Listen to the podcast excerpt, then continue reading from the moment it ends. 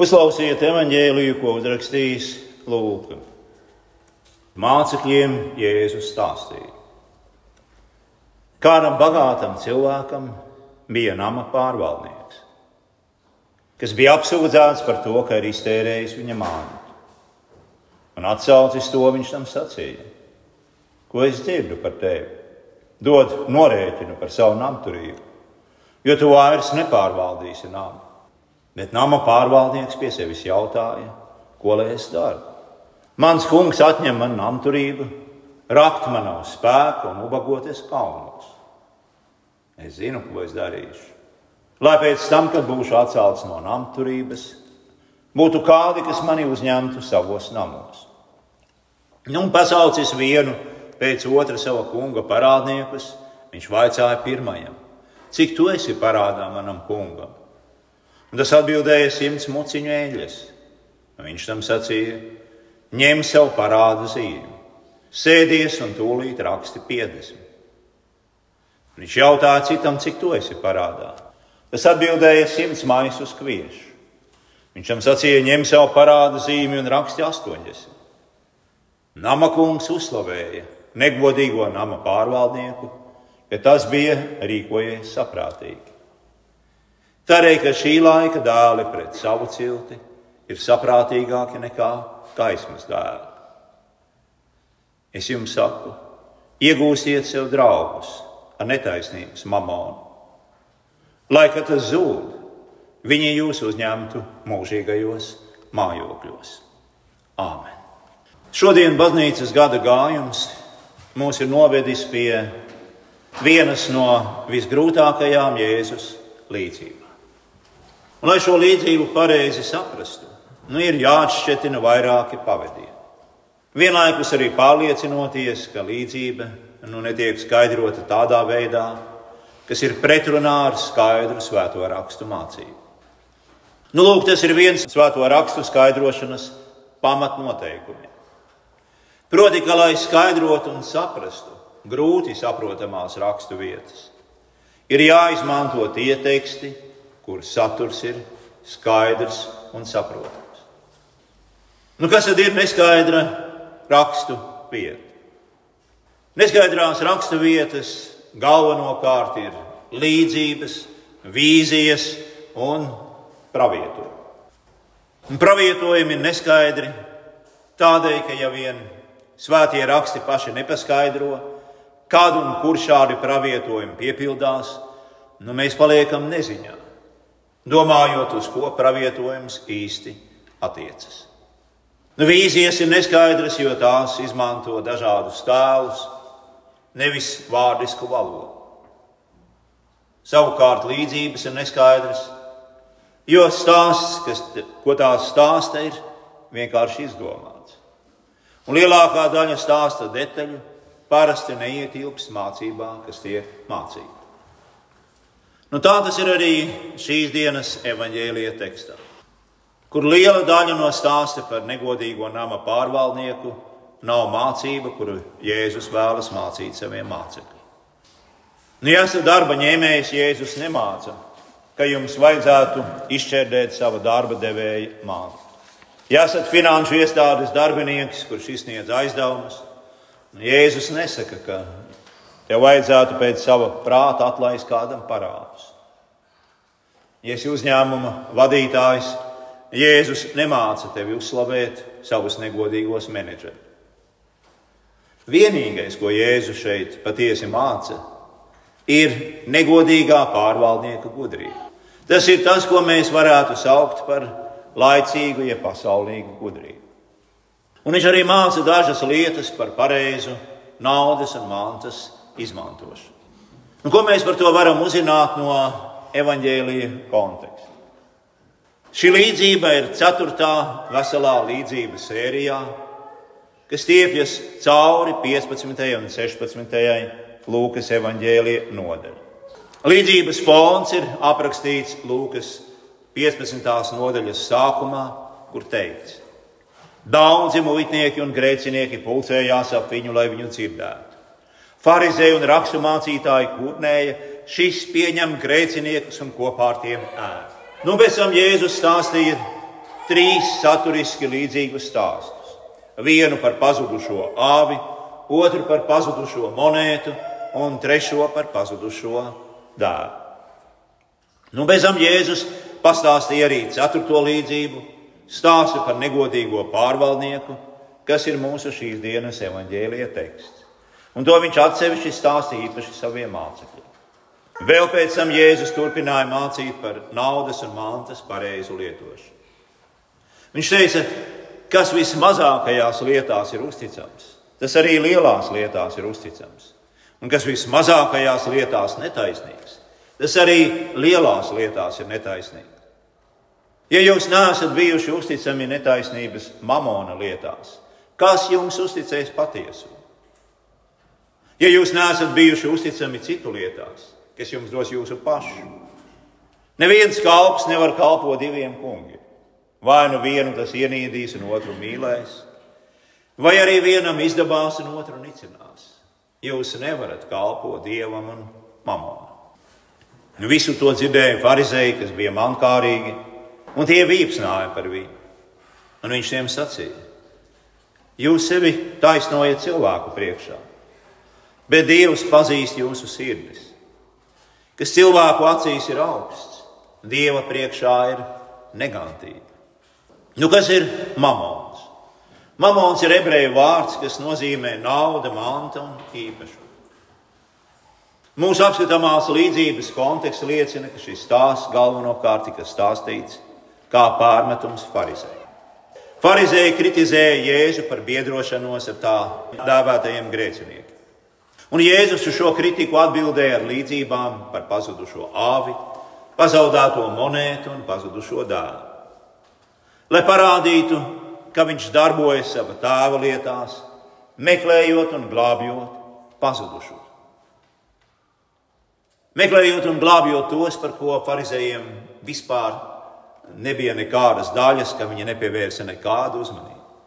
Nu, līdzība par negodīgo pārvaldnieku un mācība, kas sako no 10. līdz 15. pantam, norāda uz farizēju galveno grēku, proti, tā ir alkatība. Gluži tāpat kā Čārlza Dikensa Ziemassvētku stāsts atklāja skrūģa alkatīgo sirdi. Tā Jēzus līdzība par negodīgo pārvaldnieku atklāja farizēju mankārīgo sirdi. Nu, kāda šī līdzība atklāja farizēju alkatību? Negodīgais pārvaldnieks izmantoja viņam nepiedarošu naudu, lai iegūtu sev draugus, kuri pēc viņa atlaišanas no darba uzņemtu viņu savās mājās.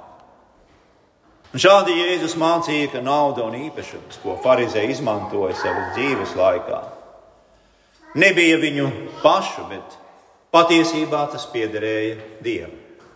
Nu, tā kā Pharizēja atšķirībā no saduķējiem ticēja, ka būs mirušo augšām celšanās, nu, tad viņiem vajadzēja likt lietā naudu un mantu, ko tie bija saņēmuši no Dieva, lai palīdzētu nabagiem un trūcīgajiem. Lai augšām celšanās dienā viņiem būtu draugi debesī. Bet tā vietā, lai dalītos ar tiem, kam viņu palīdzība bija vajadzīga, farizēji bija skopi kā krāma, nu, kā tas pats Dikensa skrūvs. Un tādā veidā Jēzus parādīja, ka ārīgi svētulīgie farizēji patiesībā ir lielāki grēcinieki par muitniekiem un arī par tiem ļaudīm, kurus farizēji uzskatīja par sabiedrības padibeni. Nu, ko šis evaņģēlijs māca mums šodien? Nu, tas nemāca, ka ir iespējams pilnībā vai daļēji nopelnīt biļeti uz debesīm, atdodot savu naudu vai īpašumu baznīcai vai nabagiem. Bet ko tad šis teksts māca? Tas māca vispirms sargāties no alkatības. Alkatība ir briesmīgs posts. Un pašreizējie laiki mums ir ļoti labs piemērs tam, kādu postu alkatība nodara visiem cilvēkiem. Ja pēkšņi mēs vienā dienā konstatējam, ka pat govs sūdi maksā uz pusi dārgāk nekā tie maksāja vakar. Mārtiņš Luters mums savā lielajā katehismā skaidrojot pirmo bausli māca cīnīties pret alkatību. Ja mēs visi savā miesā nesam šo grēku. Un Mārtiņš Luters saka, Daži domā, ka viņam ir dievs un visa kā pietiek, Ja vien ir nauda un manta, uz ko tad tas plātīdamies paļaujas tik stingri un droši, ka nevienu vairs neņem vērā. Nu, redziet, tādam arī ir Dievs, taču tā vārds ir mamona. Nauda un manta, kam pieķeras šā cilvēka sirds. Un tas ir vispazīstamākais alks virs zemes. Kam ir nauda, tas jūtas drošs, priecīgs un bez raizēm, it kā sēdētu pašā paradīzē. Un otrādi, kam mantas nav, tas šaubās un ir izmisis, it kā neko nezinātu par Dievu. Jo maz var atrast tādu, kur ir līksmi, nebēdā un nevaimanā, ja viņiem nav mamona. Rūpes un kāre pēc naudas pielīp cilvēka dabai un pavada to līdz kapam. Mēs visi zinām, cik ārkārtīgi, trāpīgi un patiesi ir šie Lutera vārdi. Otrakārt, šī Jēzus līdzība māca mums pareizi lietot naudu un mantu.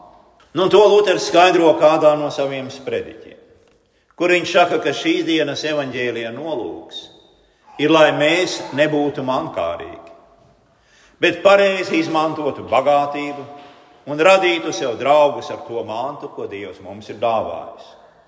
Lai tad, kad mēs mirstam un mums nekā vairs nav, tas ir, kad mums ir jāatstāj visu, kas mums piederēja uz zemes. Lai tad mēs atrastu draugus, kas mūs ievedīs mūžīgajā mājvietā. Tie darbi, ko mēs šeit darām trūcīgajiem cilvēkiem, izrādot viņiem draudzību un laipnību, Šie paši darbi tiesas dienā ne tikai liecinās par to, ka esam rīkojušies brālīgi un kristīgi, bet saņems arī savu algu. Tur kāds iznāks priekšā ar cildinošiem vārdiem, sacīdams: Kungs, viņš man iedeva mēteli, zelta monētu, maizes gabalu un ūdeni, kad man vajadzēja. Es liecinu, ka viņš savai ticībai sniedza pārliecinošu pierādījumu. Jā, tiesas dienā pats Kristus, saka Luters, iznāks visu priekšā un savu debesu tēva priekšā visi eņģeļi un svētie sacīs cildenus vārdus par to, ko mēs esam darījuši vienam no Jēzus vismazākajiem brāļiem. Bet teiksim skaidri, Luters tūdaļ piebilst. Mūsu bagātība nepalīdzēs mums nokļūt debesī. Bet tad, kad no netaisnām mamona mēs radām taisnīgo mamonu, tas ir, kad mēs pareizi, nevis nepareizi lietojam mantu, Tad mēs apliecinām savu ticību un liecinām, ka esam taisni kristieši un mūžīgās dzīvības mantinieki. Pirmajā Jāņa vēstulē rakstīts, ka pat ja mūsu sirds mūs apsūdz, Dievs ir lielāks nekā mūsu sirds, un Viņš zina visu. Ir interesanti, ko šie vārdi patiesībā nozīmē, jeb ko Jānis ar tiem gribēja pateikt.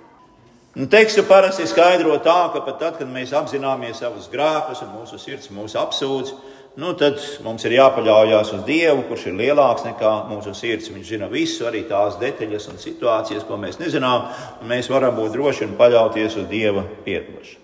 Lai gan pēc būtības tas tā ir, tomēr šo tekstu ir iespējams un arī varbūt vajag saprast nedaudz citādi, kā tas parasti tiek darīts.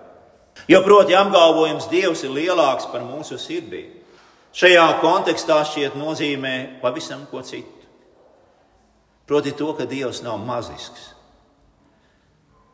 Kāda tik bieži ir cilvēka sirds, kas ir gatava apsūdzēt jebkuru ar žēlsirdību saistītu domu. Nu, tā taču ir. Tiklīdz mūsu prātā ienāk kāda doma par žēlsirdību, tāds ir, ka nē, nē, nē, pašam vajag vairāk. Un apustulis mūs mudina raudzīties uz Dievu, kura dāsnums ir daudz lielāks. Viņa līdzjūtība pret trūcīgajiem daudz lielāka nekā cilvēkiem. Un tieši šim faktam vajadzētu darboties kā pamudinājumam, pārvarēt savas sirds mazisko sautīgumu un censties līdzināties savam dāsnajam dievam. Un, kad Jānis turpina ar vārdiem, un viņš visu zina, tad apustulis atgādina saviem lasītājiem, ka viņu sirds maziskums vizinošajam dievam nepaliks nepamanīts. Dievs ir bijis žēlsirdīgs, un viņš ir bijis ļoti laipns un devis tev daudz svētības gan tavai dvēselē, gan miesai. Nu, tas, kas gan kavē tevi būt žēlsirdīgiem pret tiem, kam tava žēlsirdība ir nepieciešama. Lai tas nepaliktu tikai tāds retorisks jautājums, uz kuru mūsu miesa vienmēr atradīs pietiekošus attaisnojumus un izskaidrojumus, es ieteiktu visiem darīt to, ko arī mācīt saviem bērniem, nu, to, ko mēs parasti jau tāpat dzīvē darām. Cilvēki mēdz krāt naudu kādiem lielākiem pirkumiem, vai ceļojumiem, vai kādam jaunam, īpašam apģērbam, vai kaut kam tam līdzīgam. Bet es nekad neesmu dzirdējis, ka krāts krātu naudu, lai palīdzētu kādam nabagam. Varbūt mēs varētu nu, kaut vai pa eiro, vai pa diviem, vai vienalga, vai krājkasīti iegādāties un arī bērniem to mācīt, atlikt naudu priekš nabaga. Un mums vienmēr būs pie rokas kaut kas, ko tiem iedot, vienalga, kāda būs vajadzība un kāds būs trūkums. Un nabagi vienmēr atradīsies. Vienmēr atradīsies cilvēki, kam mūsu palīdzība patiešām būs vajadzīga. Nu, tā ir, man liekas, tāda praktiska gudrība, kuru vajadzētu vienkārši mēģināt īstenot, lai tas viss nepaliktu tikai tā vārdos un domās, bet izpaustos arī reāli mūsu dzīvē. Tas nepadarīs mūs nabagus, bet kādu padarīs ļoti laimīgu un priecīgu kādā dzīves brīdī. Lai Dieva žēlastība un svētība ir ar jums visiem. Mēs pateicamies mūsu žēlsirdīgajam, labajam kungam, kurš ir tik daudz darījis mūsu labā. Un kad mēs raugāmies uz viņa krustu, mēs redzam to, ko mēs vārdos nevaram aprakstīt, tik lielu mīlestību, žēlsirdību un labestību. Mēs varam skatīties uz to un apzināties to, Un parādīsim arī savā dzīvē kaut nedaudz, pavisam drusciņu no tā, ko Dievs mums ir parādījis. Āmen!